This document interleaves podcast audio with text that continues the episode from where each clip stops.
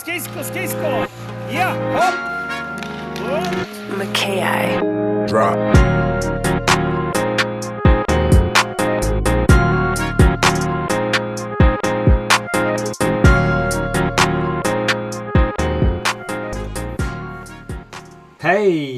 Välkommen till Swetec-podden och det är det 29 avsnittet som ni ska lyssna på idag. Och eh, mitt namn är Dag Wenström och eh, det här är en podd som tar upp eh, om hockeyutveckling och fysisk träning. Och dagens avsnitt ska handla mer om eh, hockeyutveckling än eh, vanlig fysträning.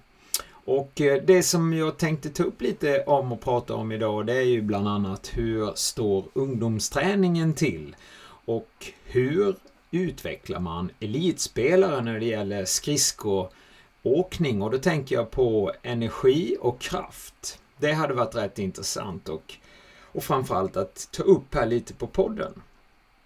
Eh, men det som jag vill börja med då och ta upp lite här i den första delen, det är kanske ungdomsträningens filosofi och principer.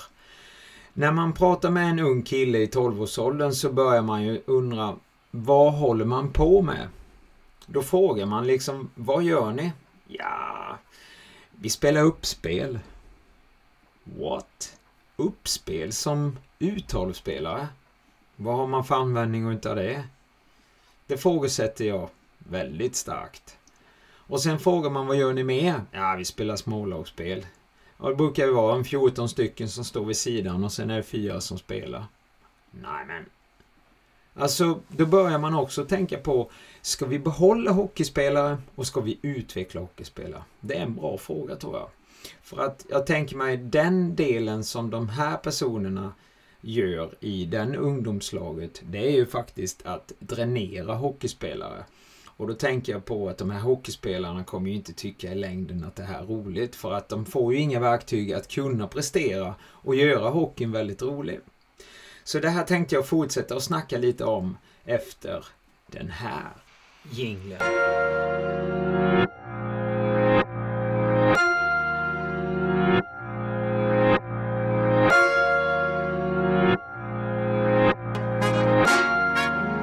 Det har ju varit mycket fysträning och, och en hel del isträning och ishockey. Jag har varit i Malmö och tittat på Brynäs. Nej, så säger man inte. Malmö-Brynäs säger man. Och eh, det var ju som sagt var ingen höjdare. Det var ju en av de sämsta hockeymatcherna faktiskt. Jag har sett på den nivån eh, under många många år. Men i alla fall, jag tänkte inte börja där. Jag tänkte faktiskt börja i dagens eh, aktiviteter och eh, idag så var jag i Hässleholm och körde min eh, privata träning i privatgrupp och mentorträning och eh, vi jobbade en hel del med eh, skridskoteknik och vi jobbade framförallt att få upp speeden i skridskoåkningen. Och eh, där är det många som tänker då kanske på de tekniska detaljerna när det gäller det som vi har på fötterna, skridskorna. Och det är ju inte fel. Det är ju, det är en viktig del utav skridskoåkningen att vi kan ta oss framåt och att vi ligger bra på våra skär. Eh, att vi får ut mycket kraft och energi via skären. Det håller jag med. Men det finns ju fler delar som behjälper i den här processen. Och det är bland annat armrörelsen. Och armrörelsen spelar stor roll när man ska göra de här eh, skären. Och här kan vi lyssna lite på en eh, en del utav träningen när jag går igenom det med spelarna på isen. Ja. Skillnad eller? Ja. Alltså om jag strävar med armarna framåt så går det, det drar mig nästan framåt tänkte jag säga. Det ser så ut när ni åker. Om ni inte använder armarna framåt så ser det mer ut som ni står stilla i min synsätt. Och jag, jag, känslan brukar vara när man gör så som vi gjorde nu, det är att man känner precis som att det går lite fortare. Det behövs inte känna så, men många gör det. Man känner just det att man nästan drar sig framåt hela tiden. Och det är ju naturligt. Om jag springer, vad går armarna då? Ja, framåt. Alltså, varför ska vi förändra rörelsen bara för vi ställer ett par skridskor på fötterna? Vi ska ju framåt i det här läget i alla fall. Och när vi åker bakåt så går ju armarna tvärtom. Då går de ju bakåt framåt. Nu går de ju framåt bakåt. Så svårare än så är det ju inte. Och det är det ni ska tänka på för att det är speed idag vi pratar om. Och speeden börjar ju faktiskt i överkroppen. Den börjar ju inte alltid i fötterna. Man måste ju ha överkropp annars funkar det ju inte. Är ni med? Okej, okay, vi tar lite vatten.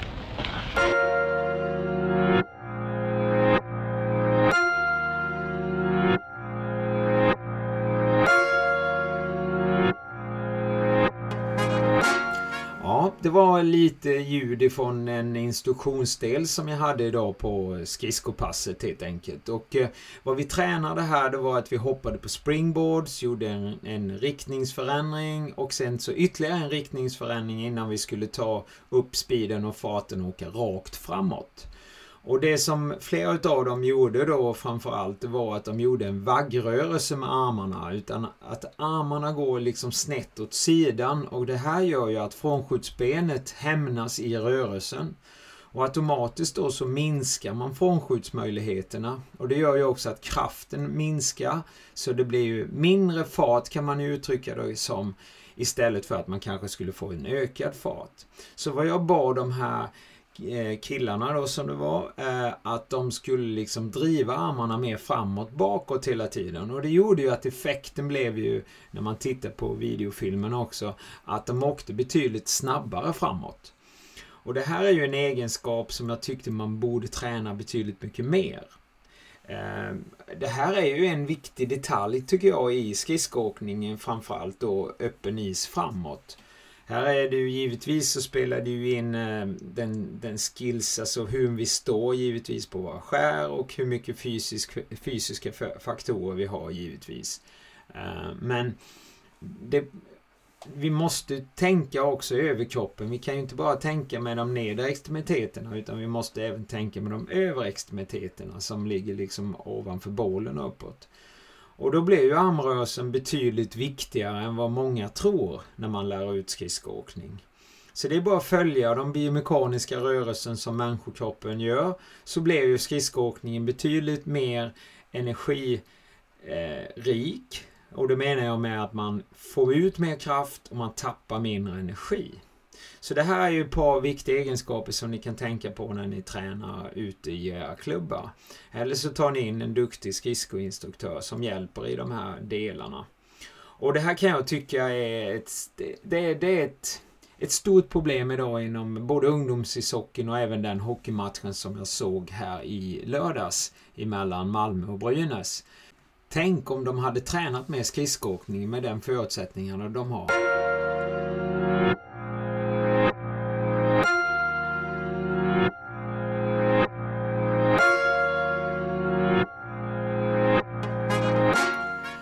När det gäller skridskoåkning då så var jag i Malmö Arena här i lördags och tittade Malmö Redhawks mot Brynäs. Och jag tyckte väl inte matchen var så upplyftande så jag började med att titta på detaljer så nördig som man är då. Och då började jag titta på spelarnas skridskotekniska detaljer och hur bra de var egentligen på att åka skridskor. Och då blev jag ju väldigt besviken för att det var ju väldigt många utav de här spelarna som jag tycker åker mest runt och, och jag med en hel del energi. För vi får ju också tänka på det att eh, de här spelarna i denna nivån, de tränar en hel, eh, hel del fysik och det är ju en del av dem med otroliga kraftpaket. Men jag tror det finns ingen transparens gentemot deras fysiska eh, ska vi säga, nivå gentemot detaljerna i skridskoåkning. För en bra skridskoåkare för mig, det är ju en skridskoåkare som kan få ut så mycket kraft som möjligt utan att göra av med energin. Och det här är ju väldigt unik och specifik träning man måste jobba med spelarna. Man måste lära dem att förstå hur, vilken kontroll man ska ha och vilka skär man ligger i och så vidare. Och vinklar och, och sådär. För att man ska skapa då den optimala eh, biomekaniska rörelsen helt enkelt. Och här kan jag ju tycka då som sagt var att på den här nivån är det ju skrämmande. Den enda spelaren som jag blev lite förtjust i så är det ju nummer 27 då, Brynäs, han Forsberg där. Han hade ju, tycker jag, en, en bra skridskotekniska eh, detaljer och framförallt och så jobbar han med det vi hörde här tidigare i podden här med armarna framåt bakåt. Så titta gärna på han för att han driver ju verkligen i drivet med armarna framåt. Han åker ju som han springer.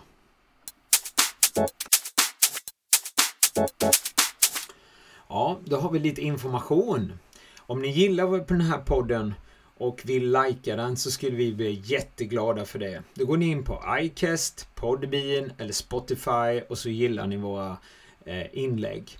Och ni får också ställa frågor om ni vill och då skriver ni till podden svetekgym.se Och ställ vilka frågor ni vill så ska vi kunna ta upp dem här på podden. Ja, jag har ju själv ägnat några år åt professionella hockeyspelare och utvecklare skridskoteknik. Bland annat nio år i, har hjälpt spelare i Schweiz. Och jag ser det som väldigt, väldigt viktigt och jag tycker är man på den nivån som de här är yrkesspelare så borde man lägga mer resurser både från klubbar och individuellt att utveckla det här. För det är ju ändå ett arbetsredskap och vill man hålla länge sin karriär så bör man nog satsa på detta. Så mitt tips till er är ta in de resurserna.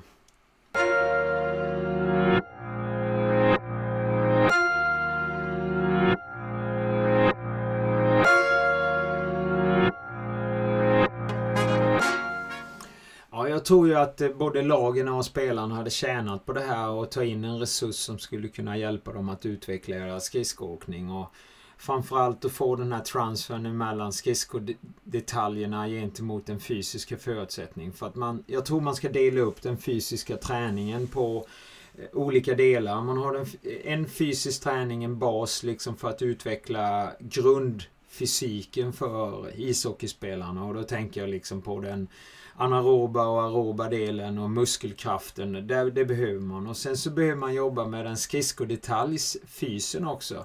Alltså de fysiska egenskaperna som är viktiga för skridskoåkningen. Så man får rätt transfer därifrån. Och det tror inte jag att många hockeylag eller många tänker på egentligen. Utan att man ja, man kör alltid ett paket helt enkelt. Och om man gör det på grund av att man inte vet så mycket eller om det beror på att man är snål med ekonomin. Det kan jag inte svara på men jag tycker 2019 att man borde tänka betydligt mycket mer än kanske på de två egenskaperna och tänka på istället skapa möjligheter för prestationen. För det är ändå det det går ut på på den nivån. Och det gäller ju även andra nivåer också. Och det är därför jag tycker det är så fantastiskt roligt att det finns så mycket ungdomar och även äldre spelare som verkligen lägger lite energi och pengar på det här faktiskt. När jag jobbade i Schweiz under de åren jag hade spelare där nere så var det rätt roligt att eh, jag körde ju tre år då på sommaren i, det brukade vara i början på juli, körde jag ett eh, ett agentläge helt enkelt. Eh, jag var uppknuten till en agent i Schweiz där och, och deras stall utav spelare då fick eh, komma där och jobba i fem dagar med mig i, i, i en schweizisk by som heter Bäresville då. Och eh, jag var där och jobbade med det i tre år. Sen så då fick jag ju många utav de spelarna sen som jag började hjälpa personligen också. Så att eh, vissa utav de här spelarna har jag ju faktiskt jobbat med i åtta till nio år. Så att jag brukar säga det att den skridskotekniska detaljerna kombinerat med eh, skridskotekniksfysen om man uttrycker det så. Det tar ju några år. Det är ju liksom ingenting som man bara eh, gör några gånger och sen så är det klart om man uttrycker det så. Det är ungefär som en golfspelare. När de lägger om svingen då så tar det ju liksom, de kan ju inte slå 300 bollar och sen är svingen ändrad. Utan de får ju faktiskt eh, nöta och nöta och det här kan ju ta liksom månader till ett år kanske och till och med längre för att de ska liksom hitta rätt rypt och rätt rutin i, i sin sving. Och det är ju samma när det gäller skridskoåkning. Det tar ju år alltså. Det, det tar en tid, man skapar ett fundament och bygger på fundamentet kombinerat då med den här fysiska träningen. Så de månader jag gjorde Schweiz, det blev ju kalas tycker jag. Många utav de här spelarna har ju blivit framstående spelare i, i den schweiziska ligan då, NLA. Och någon var ju till och med över Columbus Blue Jackets och spelade där i NHL några matcher. Men lyckades inte bättre än så. Men det är ju ett tufft klimat och det var inte lätt heller som schweizare att komma dit. Eh, den enda klubben som jag kan komma ihåg att jag jag var ju i ett par olika klubbar och körde. Jag var i Zürich Lions och eh, Sankt Moritz. Eh, det är ju ingen NLA-klubb då. Det är ju lite lägre nivå. Men eh, den jag tänker på då som var NLA-nivå då. Det var ju bil då. 2015 där så körde vi tre dagar i en liten by i, utanför Zürich där. Och, eh, men det var också andra spelare från andra klubbar. Men det var ju mest bilspelare. Jag har för mig det var en 15 stycken då schweizare ifrån A-laget där. Som jag körde med. Och det tyckte jag var intressant för att det var ju samma där. Det var ju många som jag var kanske om jag uttrycker mig, analfabeter i skridskoåkning. Alltså de har lärt sig att ta sig framåt helt enkelt. Och det, det är ju ofta så som jag tycker det ser ut. Det är ju liksom det, de, all kraft som de utnyttjar, det bara slänger de iväg. De, istället kanske för att lägga liksom ja, 70% kanske så lägger de nästan 100% i varje skridskoutförande. Och då kan ni ju tänka dig hur trötta de här blir och då måste de träna ännu mer den här basfysen för att de ska kunna liksom hålla och hålla då laktaten så låg som möjligt. Så det där är ju också olika egenskaper som man får lägga in i den här skridskoutvecklande delen. Så om vi ska dra ett streck här nu då så är det ju faktiskt som så att skridskotekniska detaljer är inte alltid rolig. Man måste ha tålamod och man måste nöta. Det är A och O för er där ute. Så vill ni bli en bra hockeyspelare och skapa ett bra fundament så behöver ni de här detaljerna. Antingen får ni göra det själv eller så får ni hoppas att klubben tar tag i det. Men det sistnämnda tror jag inte lika mycket på.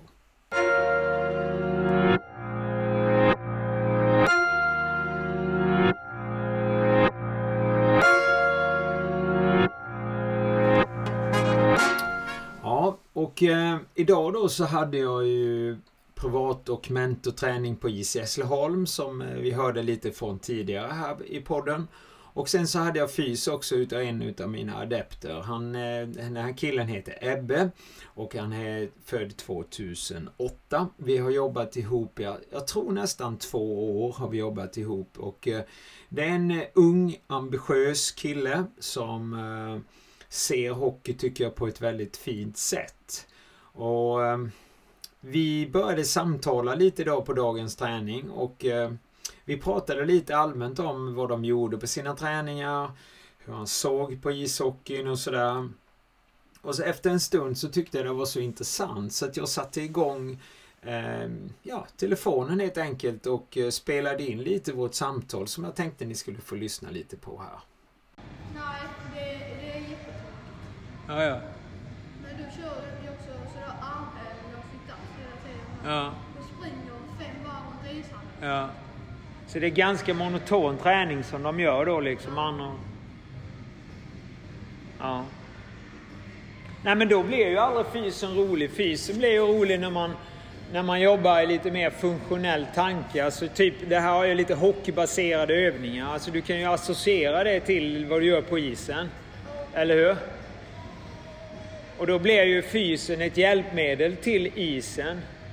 Och det är väl där inte många riktigt förstår utan det blir ju lätt det här du vet som, som du var inne på att fysen är ju så jävla tråkig för man, är, man gör bara så tråkiga övningar hela tiden. Och, ja precis, hela tiden. Och det är ju inget roligt alls. Så man tappar ju, det är ju, man blir ju inte motiverad helt enkelt. Så som många blir med träning många gånger. Om du kör samma saker hela tiden så blir det ju inte roligt och skiter du i det till slut ju. Det är ju därför jag menar också att hockeymatcher blir ju samma tanke lite grann. Att om jag spelar fyra matcher i veckan, jag menar då, som vi sa, då är det bara en hockeymatch utav alla andra.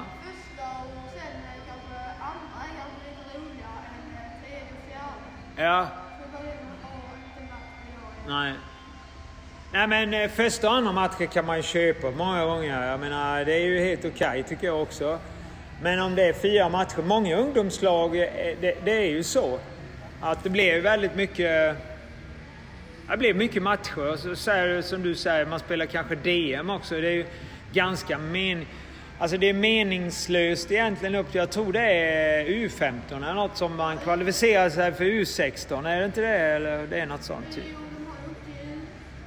Ja, så då är ju distriktsträ... Eller då är det ganska meningslöst under det ju. Så egentligen borde man kanske inte haft det på den nivån. Men jag tror också att man har det. Tror inte du det också? Att man har det lite grann för att man kanske ska få fler matcher. Ja. I och med att det är så få klubbar och lagen också är så få så blir det ju att det blir mindre matcher och då har man gjort distriktsmästerskap för att man ska få fler matcher. Men då blir det ofta så att du kör ihop de här matcherna så det kan bli fyra på en vecka och det är ju inte heller bra. Då mister du något annat. Och jag menar, du kör ju fyra tränings... Fyra tränings på is, eller vad säger jag, tre eh, på is, en match och tre fys. Och det blir det ju vad man ska ha. Det blir en bra balans. Och då bygger du ju dig för framtiden, för du är ju inte så gammal. Du är ju född ja, 08. Det är inte så... Men det är rätt så bra. Då kör du alltså sex pass i veckan och en match. Det är ju helt perfekt.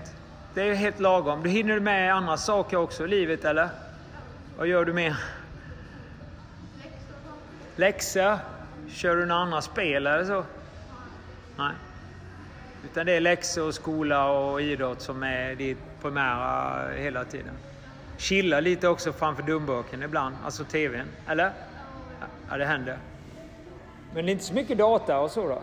Nej. Ja, ja. Ja. ja, det tar mycket tid att sitta framför datorn. Ja.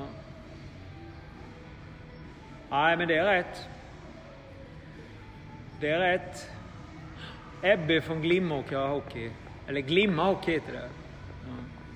Nej, men det är gött.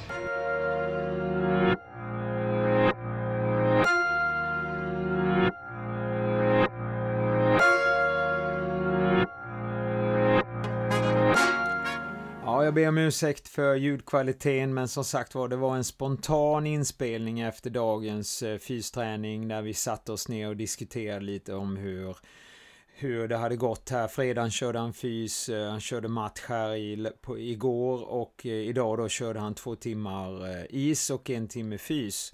Och då kom det ju fram lite olika saker och jag tycker han har så sunda värdegrunder. Just det här med att eh, en match i veckan är fullt tillräckligt. Eh, tre isträningar och tre fysträningar. Chilla och göra sina läxor så liksom fungerar utvecklingen bra så som han känner det. Och eh, det är helt okej okay, för jag menar det står ingenstans i några böcker liksom om man har vunnit några matcher fram till man är 15. Eh, så att det är liksom, det är ju helt meningslöst. Det som är det viktigaste i de här åldrarna det är att skaffa sig verktyg då för framtiden och kunna verkligen prestera när det väl gäller och när det blir skarpa lägen och när det kommer in i böckerna. Så äh, jag är väldigt imponerad hur han tänkte hela tiden och hur han la upp det och, och, att han till och med liksom tackat nej till matcher på grund av att han, att han kände istället att han ville kanske träna i två timmar istället för att han fick eh, tio minuter istid liksom. Och, ja, jag kan tycka det är en väldigt sund inställning så ta gärna efter lite mer efter vad den här grabben tyckte så har ni större förutsättningar.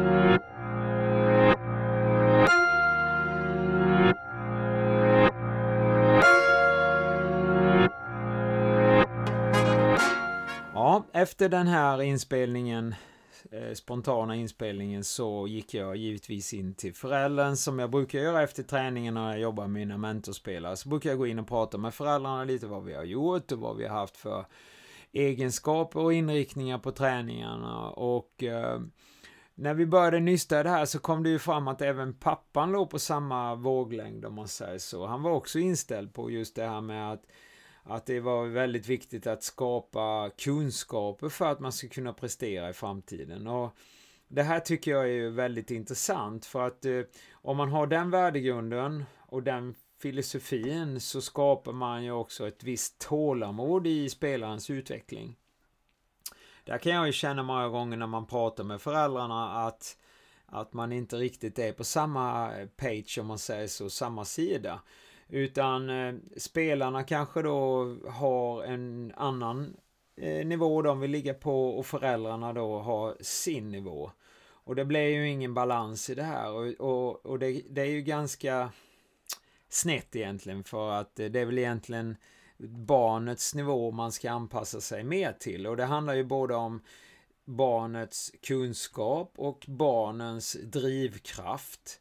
Så där får vi ju inte, tycker jag, där, där kan ju inte vårt föräldraskap styra. Men så tyvärr är det det här inom idrott och det är framförallt inom ishockeyn väldigt, väldigt sjukt. Jag träffar ju väldigt många hockeyföräldrar som är så energiska och eh, eh, ja, Alltså jag, jag, jag, tycker man är väldigt långt ute och cyklar. Det finns inget tålamod i deras strategier. Utan de ska framåt, de ska åka på det här selektläget och det är det och det är det och det är det och det. Alltså det blir så mycket alltså. Ehm, jag brukar försöka få dem att tagga ner lite grann och tänka på att det är kanske bättre att ni åker på utbildningskamper istället. Alltså typ eh, sådana här större utbildningsenheter som Swetec och, och andra, andra kollegor uppe i Stockholm och sådär. Så att man verkligen får liksom en kunskap och en röd tråd i sin utbildning och framförallt att ta tålamodet att, att gå på flera utbildningar för att man kan ju inte bara åka på ett, en sån här kamp till exempel och tro att man ska det är ju samma som det här med skridskoåkningen. Liksom, det krävs ju lite nötning och att det finns en viss strategi i själva utbildningsdelen för att man ska få verktygen helt enkelt att fastna och läggas i ryggsäcken. Och eh, ja, det är väl lite där som jag tycker att man ska kanske hamna lite mer som förälder. Ha tålamod, tänk en tanke, vad är det min son eller flicka behöver? Uh, jobba med det.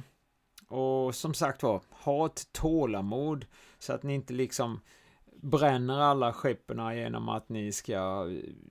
Det är väl därför jag har varit lite kritisk mot de här selektverksamheterna under åren. Det är just för att där bygger du bara på ett, på ett matchspel och det är ju få spelare som idag är på högsta nivå. Det finns undantag som har spelat väldigt mycket sånt här va? men eh, det är många där ute som tror att man kan åka samma snålväg.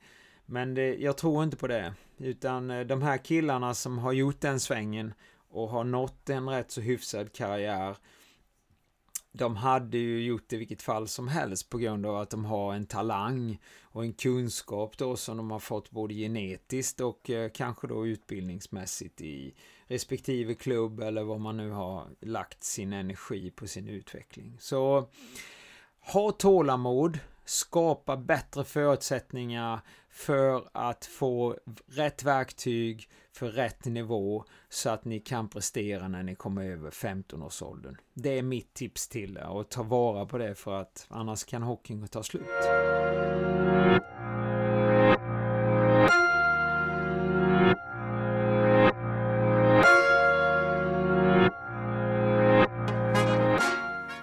Nu börjar väl eh, klockan bli mycket här på söndagskvällen så vi ska väl eh, summera lite då dagens avsnitt. Och då tänkte jag mig att vi kan väl börja med ungdomsträningen då att eh, jag kan känna lite så här ibland att ungdomshockeyn kanske inte har tagit några jättekliv om man jämför med när en annan var aktiv utan man håller väl på kanske och jobbar med detaljer som inte har så stor mening med utan att det kanske är mer tränarens ego man tränar om man uttrycker det så. Att man vill skapa ett mönster som ska göra att jag ska vinna en match.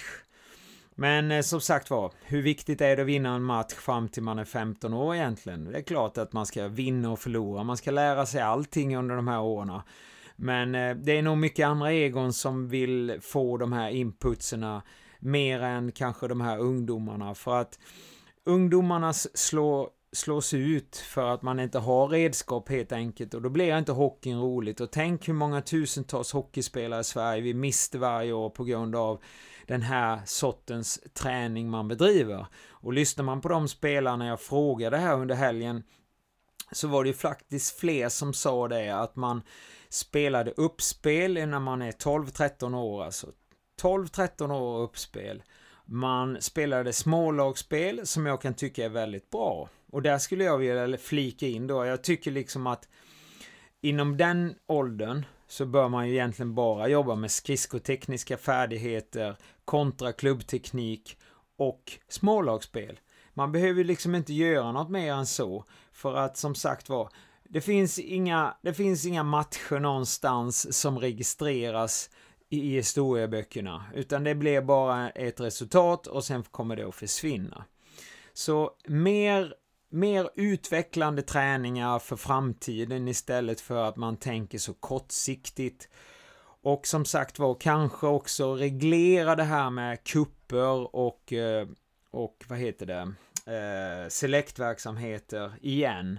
För att jag tror att det förtär för mycket på utvecklingen helt enkelt.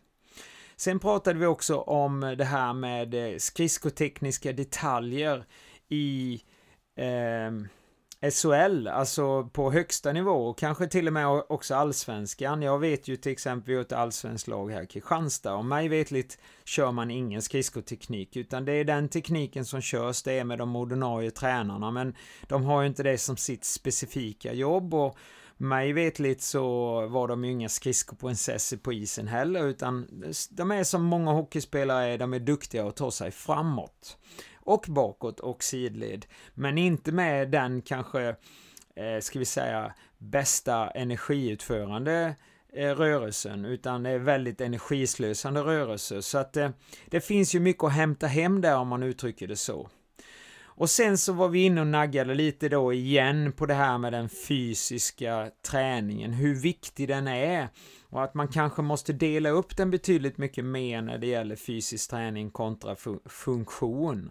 Och då tänker jag på att de här duktiga fystränarna som finns bland annat då på SHL-nivå, de ska ju lägga den här fysiska basen om man säger så. Om man har en pyramid framför sig så ska ju pyramidens botten vara väldigt, väldigt bred. Det ska vara väldigt bra anaeroba delar, aeroba delar och explosiva styrka och förebygga också skador för framtiden. Men sen måste man också göra det mycket mer specifikt, biomekaniskt i rörelse. Och då tänker jag mig rörelsen i skridskoåkningen till exempel, som är då som jag sa tidigare här extremt viktig. Om man ska ytterligare knapa på, på detaljerna så är ju faktiskt den tekniska delen väldigt, väldigt viktig. Så att här tror jag i alla nivåer alla eh, klubbar och allting så bör man då skaffa sig en skridskocoach med kunskaper om de biomekaniska rörelserna och framförallt också en fysiologisk utbildning i grunden. Det räcker inte med att man har gått några helgkurser eller eller gått några sådana här idrottskurser och sådär, utan man måste ha kanske en mer lång erfarenhet och kunskapsbank bakom sig för att man ska kunna läsa av spelarnas både rörelsemönster och vad är det de säger och vad är det man vill. Så att det är lite så när man jobbar med en patient, att man har, tar sin anamnes, lyssnar och sen försöker man då hitta orsaken till problemet så att man jobbar bort det. Och det här är väl lite samma grundprincip och eh, det är så som jag jobbar och så som jag tror vissa av mina kollegor också jobbar både i Sverige och utomlands. Så att det finns resurser att hämta men man måste också betala för de här resurserna.